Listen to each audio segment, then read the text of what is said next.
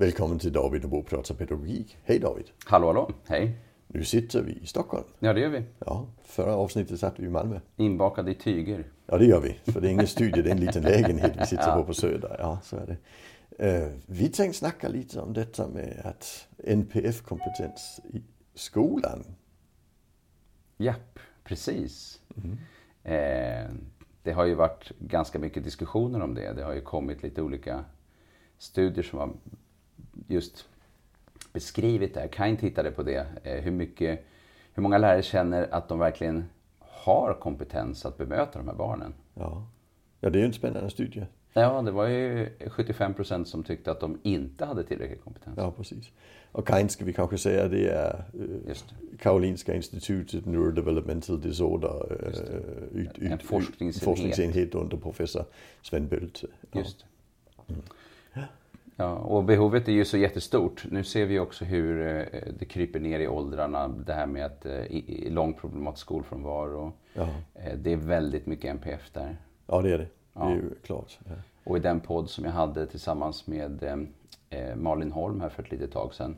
Mm. Så beskrev hon egentligen också den här stora resan som har varit när, när de här eleverna med autism inte längre kunde tillhöra särskolan, skulle gå i vanliga mm. klasser, mm. inkluderingstanken, allt det här hela den resan. Mm. Behovet är ju jättestort av mer kompetens. Ja, precis. Mm. Och, och, det har ju regeringen tagit tag i. Ja, och sagt att nu, nu ska alla lärare ha kunskap om NPF i lärarutbildningen. Ja, men precis. Och det är ju mm. verkligen inte en dag för sent. Jag tycker inte ju... jag heller. Nej. Men, men, det finns ju de som tycker det. ja, så är det faktiskt. Eh, nej, men så är det faktiskt. Mm. Nej, jag har ju eh, undervisat på Specialpedagogiska institutionen i Stockholm. Mm. Eh, och också just på lärarutbildningarna. Eh, det är ju eh, eh, sju och en halv högskolepoäng specialpedagogik under utbildningen. Och mm. specialpedagogik är ju brett och stort ja. område. Mm. Eh, och det brukar leda till ungefär fyra veckor, kanske fem. Ja. Det är liksom det som är. Ja. Eh, och då är det nästan, ja det har inte varit särskilt mycket NPF i det. Nej. Utan det är mycket allt möjligt kring specialpedagogik. Ja. Så att eh, det här är ett jättestort behov. Frågan är bara sen hur det ska bli, hur, hur, det kommer att realiseras. Det blir en viktig fråga. Ja, mm. absolut. Och, och den kurslitteratur och, och så som, som ja. Och också för det, jag tycker det är viktigt att det passar in i skolan. Att det inte bara blir diagnoskriterier eller något. Alltså det måste, måste ju... passa in i skolan för ja. att eh, man måste förstå. Jag tänker att det viktigaste egentligen är ju den här funktionsbeskrivningarna. Och, mm. jag menar, två personer med autism eller två personer med ADHD eller två personer med dyslexi eller med astma eller vad som helst för den delen är ju helt olika varandra. Ja. Alltså det är ju bara så. Mm diagnoserna är i förhållande till vardagen i skolan ganska trubbiga. Ja, precis. Mm. Och det är väl också den kritiken som har framkommit, att, mm. att det kanske inte är det bästa sättet. Jag har diskuterat med en del kollegor som jobbar i skolan och som anser att, ja, men, men att, att, att nu, nu ska vi då få fokus på diagnosen istället för att få fokus på undervisningen kring de eleverna och hanteringen kring dem.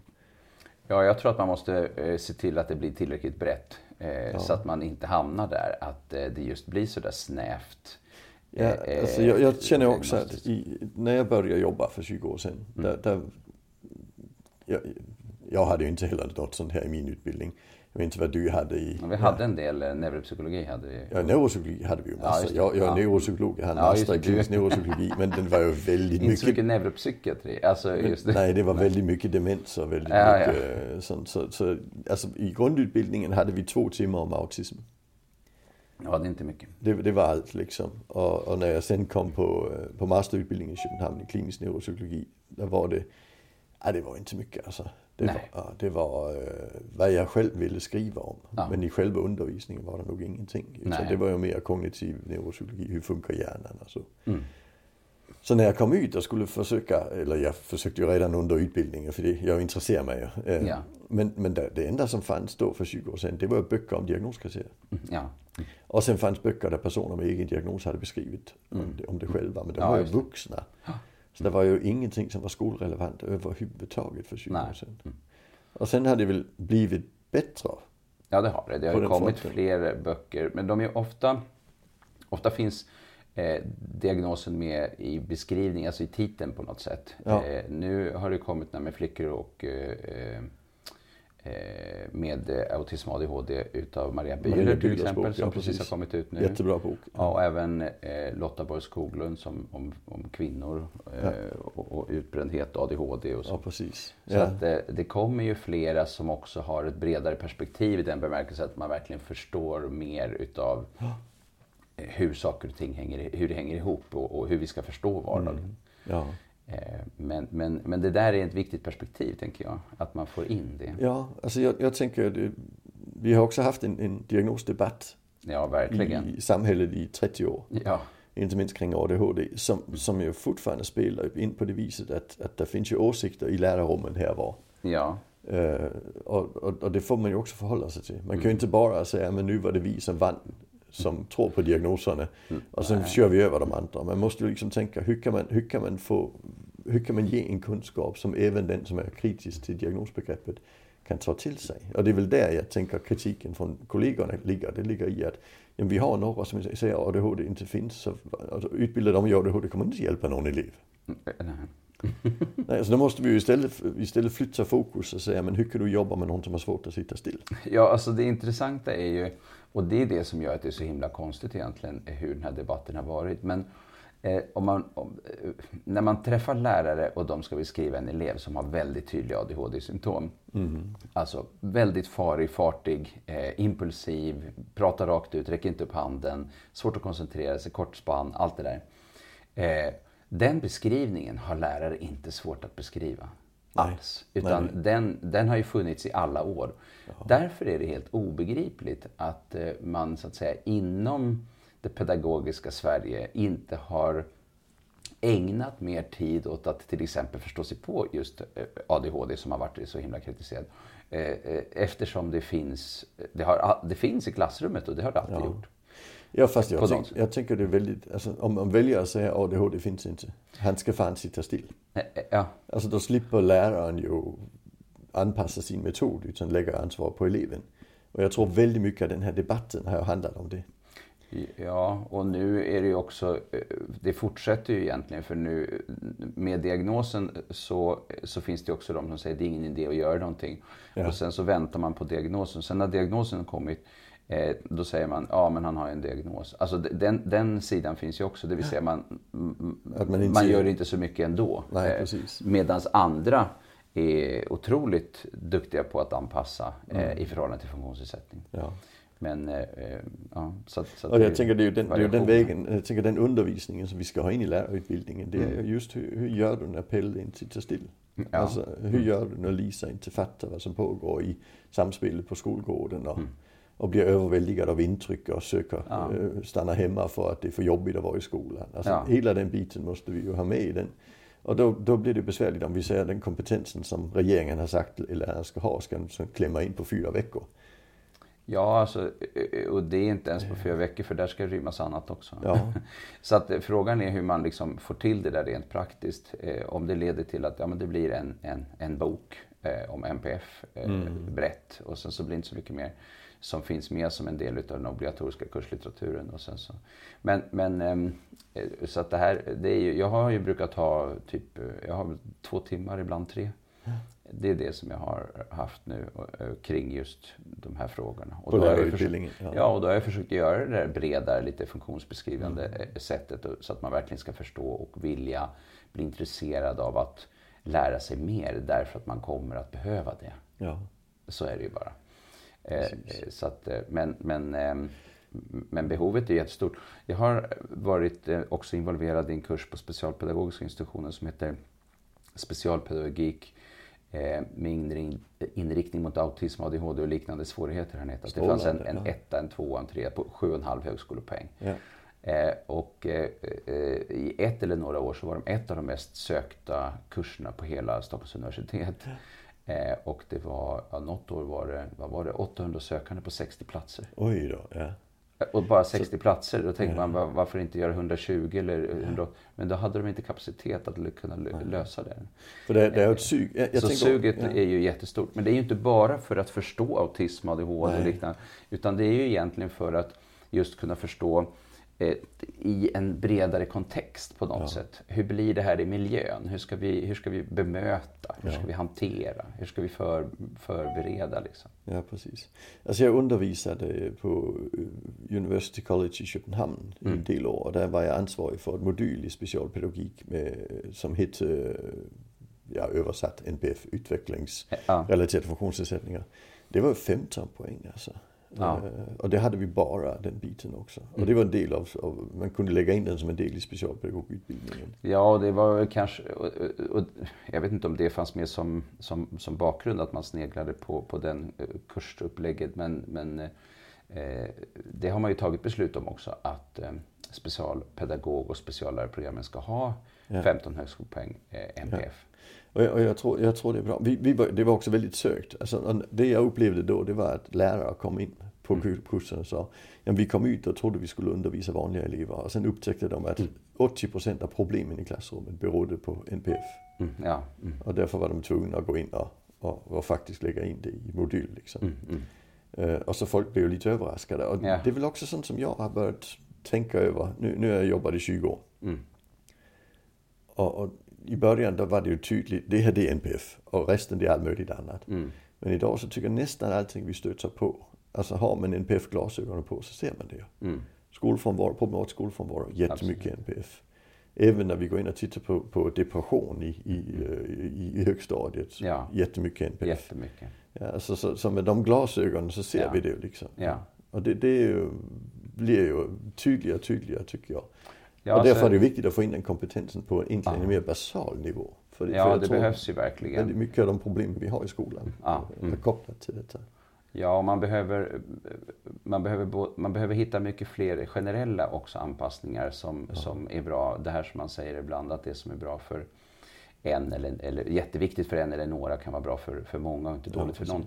Mm. Eh, det finns väldigt mycket som man kan göra på bred eh, basis så att säga, även om det inte hjälper i, i, i alla. Men jag tror att vi behöver höja så att säga golvnivån någonstans. Ja vi behöver totalt sett bli bättre på att och, göra de här anpassningarna. Och det gäller både struktur i klassrum och ja. struktur i, i rastsituationer som Gustav mm. Sund har jobbat med. Ja, eh, det gäller den fysiska miljön och ja. äh, akustik och sådana här saker ja. som är väldigt känsligt för, för de här eleverna. Det mår ju alla andra bra av. Det finns ju en studie av uh, Vivek uh, Lyberg Olander, mm. logoped i Lunds universitet där hon tittade på øh, högstadieskolor i Landskrona. Mm. Alltså helt vanliga högstadieskolor. Och där gjorde de en, en, en akustikanpassning av klassrummen. Mm. Eh, som funkar på det viset att man hör vad läraren säger om läraren står på rätt ställe i klassrummet. Ja. Men annars rör sig ljud väldigt dåligt i rummet. Mm. Och det är bara hur man har gjort med taket liksom. Oj, vad spännande. Och det, det ökade ju genomsnittsbetygen i hela klassen. Oj. Alltså med 20 procent. Det är otroligt. Ja, det är ganska spännande. Ja. Mm. Så, så det är ju något som alla har nytta av mm. när, vi, när, vi, när vi får ner oljud till exempel, som är väldigt känsligt för just elever med NPF. Mm. Mm. Ja, och sen det som poppar upp nu, det är liksom några skolor som, som hörs, liksom, eh, som, som finns med i media, som har gjort anpassningar, Källbringsskolan och lite annat. Mm. Eh, jag tror vi skulle behöva se mycket flera eh, som också jobbar närmare forskningen också faktiskt. Mm. Eh, så att vi får mera studier eller så på vad är det som funkar och vad som inte funkar. Men att man, och att man faktiskt också plockar upp de kunskaper som redan finns. Ja, precis. Eh, men, men det finns en slags tröghet i, i systemen och i, i att omsätta det till kunskap. Jag tror att också hela den här idén om att ja, men vi kan väl fasen inte liksom hålla på och stå där och ta hand om, om personer som någon annan borde ta hand om. Nej. Där har vi liksom ett dilemma. Ja, alltså exporttendensen. Ja. ja. Den, den, den, finns ju absolut i, uh, i skolsystemet. Ja, samtidigt som det finns de som är otroligt vassa på att verkligen ser sin klass som, och vi jobbar tillsammans och mm. vi liksom, ja jag tycker att det, det är den här variationen som finns är jättestor. Ja, det är det. Absolut. Men, men hårdare tag är ju verkligen inte det som kommer att, lösa den här problematiken. Alltså, ja, alltså, det är ju förståelse om, som gäller. Ja, om vi samtidigt ska öka hårdare tag och utbilda i NPF så blir det väldigt besvärligt för det blir ju en krock. Alltså. Nej, det går ja, ju inte. Nej, det, det blir absolut en krock. Mm. Och, jag, jag tänker, det, det, är ju en av de sakerna jag snackar mest om genom åren. Alltså, ja, precis. Det är ju, men, men vi måste ju titta på bemötandet. Ja. Vi måste titta på, på klimatet. Vi måste bygga relationer med Mm. eleverna. Och det mår ju alla elever också bra av. Ja, precis. Alltså, och, det, och, det måste, och det som egentligen jag tycker är viktigt med NPF-kunskapen i, i, hos lärare. Mm. Det är att den kanske får lärarna att förstå att den som du måste bygga relationer med, det är den som du minst vill det med. Mm. Alltså den du Man måste, måste bygga mycket relation med, med eh, vissa elever. den som är verkligen. jobbig är den du ska satsa på och, och gilla. Alltså det, det, för det är då det, du får det att funka. Liksom. Ja. Det är lätt att gilla den som är lätt att gilla. Ja, så är det. Eh, Men, men det är den som är svår att gilla som du måste gilla för att få det att funka. Mm. Ja, och jag tror faktiskt på det- gillandet, jag tror en del är, det, det är något jätte- vi tittar på i min forskning. Det är Ja. det här med när vi börjar använda vår empati, sätta oss i den andra Ja. ställe, där ökar gillandet. Ja, just det. Så, så, så det är att, alltså, jag tror NPF-kunskapen kan öka gillandet kring de Ja, jag barnen. tror det också. Man Det- får en det- ökad förståelse för att, det- för att personen gjorde sitt bästa.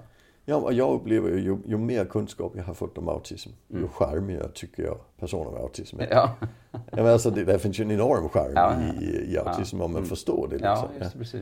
Så jag tror absolut att bara den biten är Bara viktig. den biten är viktig. Ja, för jag tror gillandet sen betyder att du satsar annorlunda, du bygger bättre relationer i klassrummet. Jag tror att ett av skälen till att det också har poppat upp en hel del filmer, framförallt om autism, men också kortare klipp med personer med ADHD som i eh, Specialpedagogiska skolmyndighetens eh, NPF, studiepaket NPF.